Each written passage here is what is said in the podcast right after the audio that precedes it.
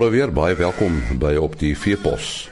Ja, ons gaan nou uh, gesels oor antibiotika, die gebruik daarvan op plase en uh, ons praat met dokter Chris van Wyk van Zoetis. Uh antibiotika uh, word op plase gebruik, maar 'n mens moet seker goed in gedagte hou, net Chris. En ja, uh, goeiemôre ook ehm um, weet aan die luisteraars. Maar uh, as ons praat oor antibiotika, jy weet dit is 'n baie um, wye onderwerp, maar ek dink jy weet sedert antibiotika lank gelede ontdek is, het baie dinge verander. Jy weet veral vir mense en dier, het dit in jy weet dit het baie groot goed verander. En ek dink ons moet moet kennis neem daarvan, maar jy weet as ons gaan kyk na antibiotika op 'n plaas, dink ek dit word op gereelde basis word dit gebruik in melkbeeste, jy weet vleisbeeste en skape. En dit word dan uiteindelik gebruik weet om daai siekdier te behandel om of om die gesondheidsstatus dan van die kudde te verseker. En dit het uiteindelik dit 'n uh, amper 'n onontbeerlike gereedskap in enige kudde geword. Maar ek dink uiteindelik plaas dit 'n baie groot um, verantwoordelikheid op ons as jy weet op ons as veeartse wat dan die produk voorskryf, maar dan ook uiteindelik aan die produsent of sy personeel wat dan die produkte gaan toedien.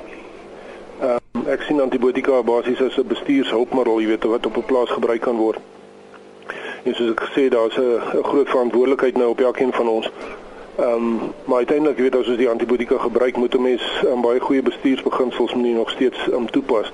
En ek dink die heel eerste en die belangrikste ding is is dat 'n korrekte of 'n regte diagnose gemaak word voordat 'n mens enige um, antibiotika gaan gebruik. En ek dink dis jy weet dis baie belangrik dat die um, die kuddeveearts wat betrokke is um, by die kudde laat hy jy weet definitief 'n rol speel hierso. Want 'n korrekte diagnose en dan uiteindelik die korrekte behandeling um, gaan voorkom dat daar onnodige antibiotika gebruik word en ook jy weet dat dit dan uiteindelik as dit gebruik word op die regte uh, manier gebruik word. Want as byvoorbeeld weer daar sekere um, antibiotika wat definitief vir melkonttrekking het, daar's antibiotika wat vir vleisontrekking het en dis goed wat uiteindelik wat deur die um, veearts met die um, kliënt dan of met die produsent gedeel moet word. Ehm um, ek dink 'n ander ding as mens gaan kyk na die gebruik van antibiotika, ons kan nie net op die op die bottel vertrou nie, weet wat die antibiotika wat in die bottel is nie ons moet uiteindelik met die voeding ehm um, hierdie op um, voeding moet optimaal wees. Ehm um, die diere moenie onder stres of spanning verkeer nie. Hulle moet in 'n skoon omgewing wees. Ehm um, jy daar's geen manier wat mens met swak bestuur op 'n plaas, jy weet uiteindelik ehm um, jou probleme met um, medisyne of met antibiotika gaan regstel nie. En en en moet 'n mens ehm um, net een antibiotika gebruik? Mens luister natuurlik na jou veearts. Maar daar's moet jy daar sulke goed soos breë spektrum antibiotikas. En ja, dit afhangende van die organisme, jy weet as ehm um, jy is korrek, jy weet ons praat byvoorbeeld van gram positief en gram negatiewe bakterieë. Ehm um, gram positief ehm um, in sekere organe kom dit voor, so mens sal jy weet eerder dan dit gebruik. Gram negatiewe antibiotikas, jy weet is veral in die darmkanaal en ehm um, so aan of um, wat gram negatiewe organismes mee be, uh, mee behandel kan word. Ehm um, so so ja, jy kan 'n nou spektrum kry wat wat jy dan spesifiek weet jy dis 'n organisme wat in die darmkanaal 'n probleem gaan gee en dan uiteindelik kan 'n mens gaan na breë spektrum antibiotika toe dan wat byvoorbeeld tetrasikline wat redelike wye of 'n medium spektrum antibiotika as jy weet wat gram positief en gram negatief um, mee kan um, organismes kan behandel. Ja, ek dink nou dan as as mense antibiotika voorgeskryf word, dan is een van die duidelike voorskrifte is dat 'n mens moet die kursus voltooi. Dis seker ook waar vir diere. En ja, ek dink dis waar een van die probleme, jy weet ons as mense is baie geneig, weet as jy beter voel dan hou, hou jy op om die antibiotika te gebruik. En ek dink as jy gaan kyk na na diere, jy weet mense definitief, ehm um, as die produk voorgeskryf word ehm um, vir vir 5 dae, jy weet dan moet dit 5 dae moet dit gespuit word. Jy weet ons sit met baie meer moderne antibiotikas deesdae wat sogenaamd langwerkend is. Waar waar jy met een inspuiting basies ehm um, 7 tot 10 dae antibiotika ehm um, dekking kan kry en ek dink dit is baie keer makliker om so antibiotika um, te gebruik. Jy weet dis die sogenaamde groot kanonne van die antibiotikas. Ehm um, maar dit is baie keer makliker om dit te gebruik op 'n plaas. Jy weet om daai koei nie elke keer of daai bil wat ver in 'n kamp is om elke keer terug te bring en elke dag te behandel. Kan 'n mens dan eerder gaan kyk na 'n langwerkende antibiotika. Maar ja, dit is korrek dat as mens 'n middel voorgeskryf het, moet hy moet hy klaar gebruik word volgens die instruksies. Ja, en ons praat spesifiek uh, hiervan die toediening van antibiotika uh, aan voedselproduserende diere. Dit is nou vleisbeeste en melkbeeste. En uh, uh, wat is die implikasie as 'n mens nie uh mooi kyk na die voorskrifte hoe 'n mens antibiotika gebruik nie? Met ander woorde die die tydperk nadat die middel toegedien is as 'n mens nie mooi daarna kyk nie. En nee, ek dink jy verwys miskien nou na die, jy weet, na die ehm um, onttrekking van die antibiotika, jy weet enige middel het 'n onttrekkingstyd. Jy weet dit word vooraf word dit bepaal, jy weet tydens die 'n baie lang proses in die ontwikkeling van die antibiotika word dit bepaal en 'n produk word dan ook so geregistreer. Jy weet as hy geregistreer word, ehm um, byvoorbeeld um, 'n langwerkende tetrasikline ehm um, met 'n um, kom ons sê 'n 3 dae onttrekkingstyd. Jy weet dan is dit um, daai 72 uur moet definitief moet dit toegepas word. Jy weet of um, sekere van jou penicillins net 'n 24 uur onttrekkingstyd, maar dan moet daai 24 uur moet dit um, toegepas word. Want dit gaan jy weet val wat die melkprodusente betref, gaan dit definitief in die melk opgetel word en dan die vleisprodusente kan dit ook jy weet by die slagpale kan dit ehm um, weet tydens die slagproses doen hulle baie keer toetse en as hulle dan antibiotika optel in die dier dan het mense 'n probleem.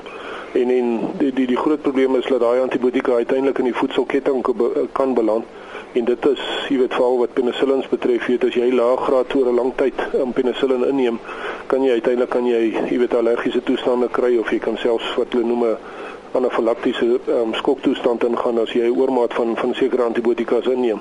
En dit kan uiteindelik weet so nadelig wees vir die mens dat jy selfs kan ehm um, weet dat mense selfs kan doodgaan as gevolg van die um, um, langdurige inneem van van antibiotika. Maar jy weet as as mense dit reg toepas op 'n plaas en en jy weet presies wat is die onttrekkingstyd en jy pas dit toe dan is antibiotika baie veilig. Maar jy weet 'n mens moenie um, begin sny in jou onttrekkingstye en sê man jy weet kom ons as 24 uur verby van die 48 uur kom ons gebruik hierdie melk of kom ons gebruik hier om vleis nie. Dit is uiteindelik um, weet wat ek gesê het in die begin. Ehm um, dis ons verantwoordelikheid as as veeartse en dan ook as die produsent en die um, persoon wat dan die um, antibiotika um, toedien op die plaas, jy weet om seker te maak dat daai onttrekkingstyd ehm um, presies gevolg word. Miskien net uh, die volgende vraag, kan uh, organismes weerstand ontwikkel teen uh, antibiotika?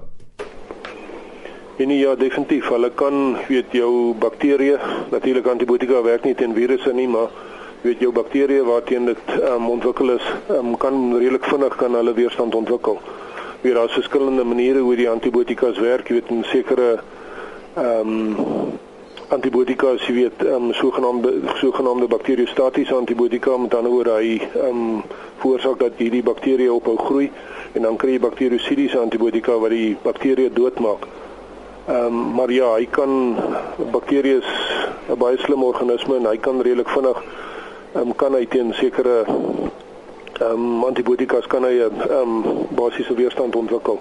En dan sit hy met 'n probleem, jy weet met die moderne antibiotikas, die langwerkende antibiotikas waarna ek verwys het, weet op die stadium het ons nog geen weerstand daarteen nie, maar dit is so dat daar sekere van die ouer penicillins en van die ouer tetracyclines weet dat ons reeds um, tot 30-40% al weerstand het teen teen sekere van hierdie antibiotikas.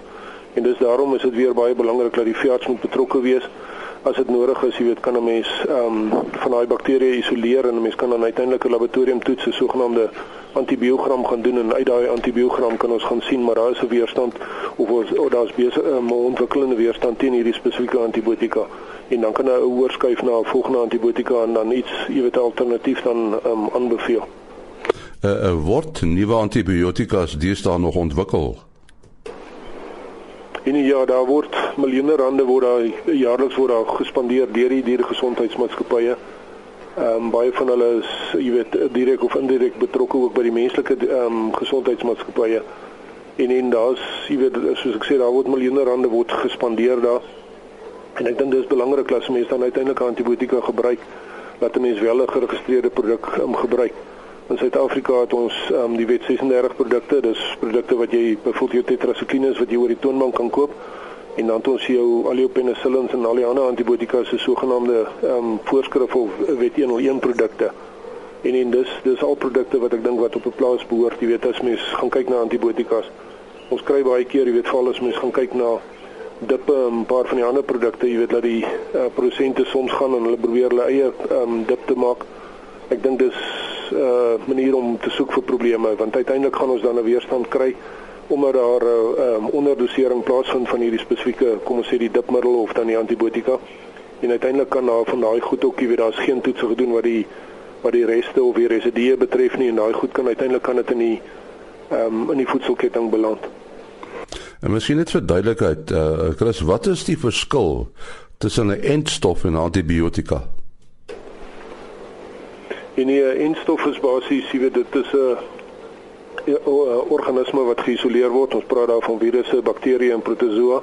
En hy word dan of weet op um, hy word dan ehm, 'n um, sogenaamde lewende virus en stof. Dis basies die virus wat wat geneem word. Ehm um, sy virulente of siekte veroorsakende gedeeltes word verwyder deur sekere prosesse.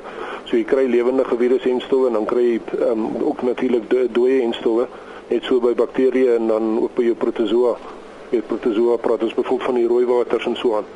Ehm um, maar dis basies 'n enstof is dan 'n produk wat jy voorkomend kan gebruik. Jy weet jy gebruik dit op 'n spesifieke tyd. Kom ons sê aan die begin van die ehm um, jy weet op 3-4 maande word daar baie enstowwe word toegedien aan 'n um, 'n ander kalf. Ehm um, ons praat van sponsiekte, ons praat van miltsiekte. Jy weet siektes wat ons weet waarna hierdie kalf ehm um, kalf dan bloot of die jong dier dan aan blootgestel gaan word. Ehm um, teenoor raak word gewoonlik jy weet ehm um, om om uh, weet as en wanneer 'n die dier dan siek is as ons dan 'n diagnose gemaak het. So dis die een is meer ehm um, voorkomend in in die sin van 'n enstof en dan ehm um, antibiotika is meer dan vir behandeling. Uh, Chris, jou telefoonnommer as mense vra het. En ja, ja, die telefoonnommer is 011 245 3326. Sê weer? 011 245 3326. Dit was uh, dan Dr. Chris van Dijk van Zoetis. Môreoggend om kwart voor 5 is ons weer op ons pos. Tot dan alles van die beste.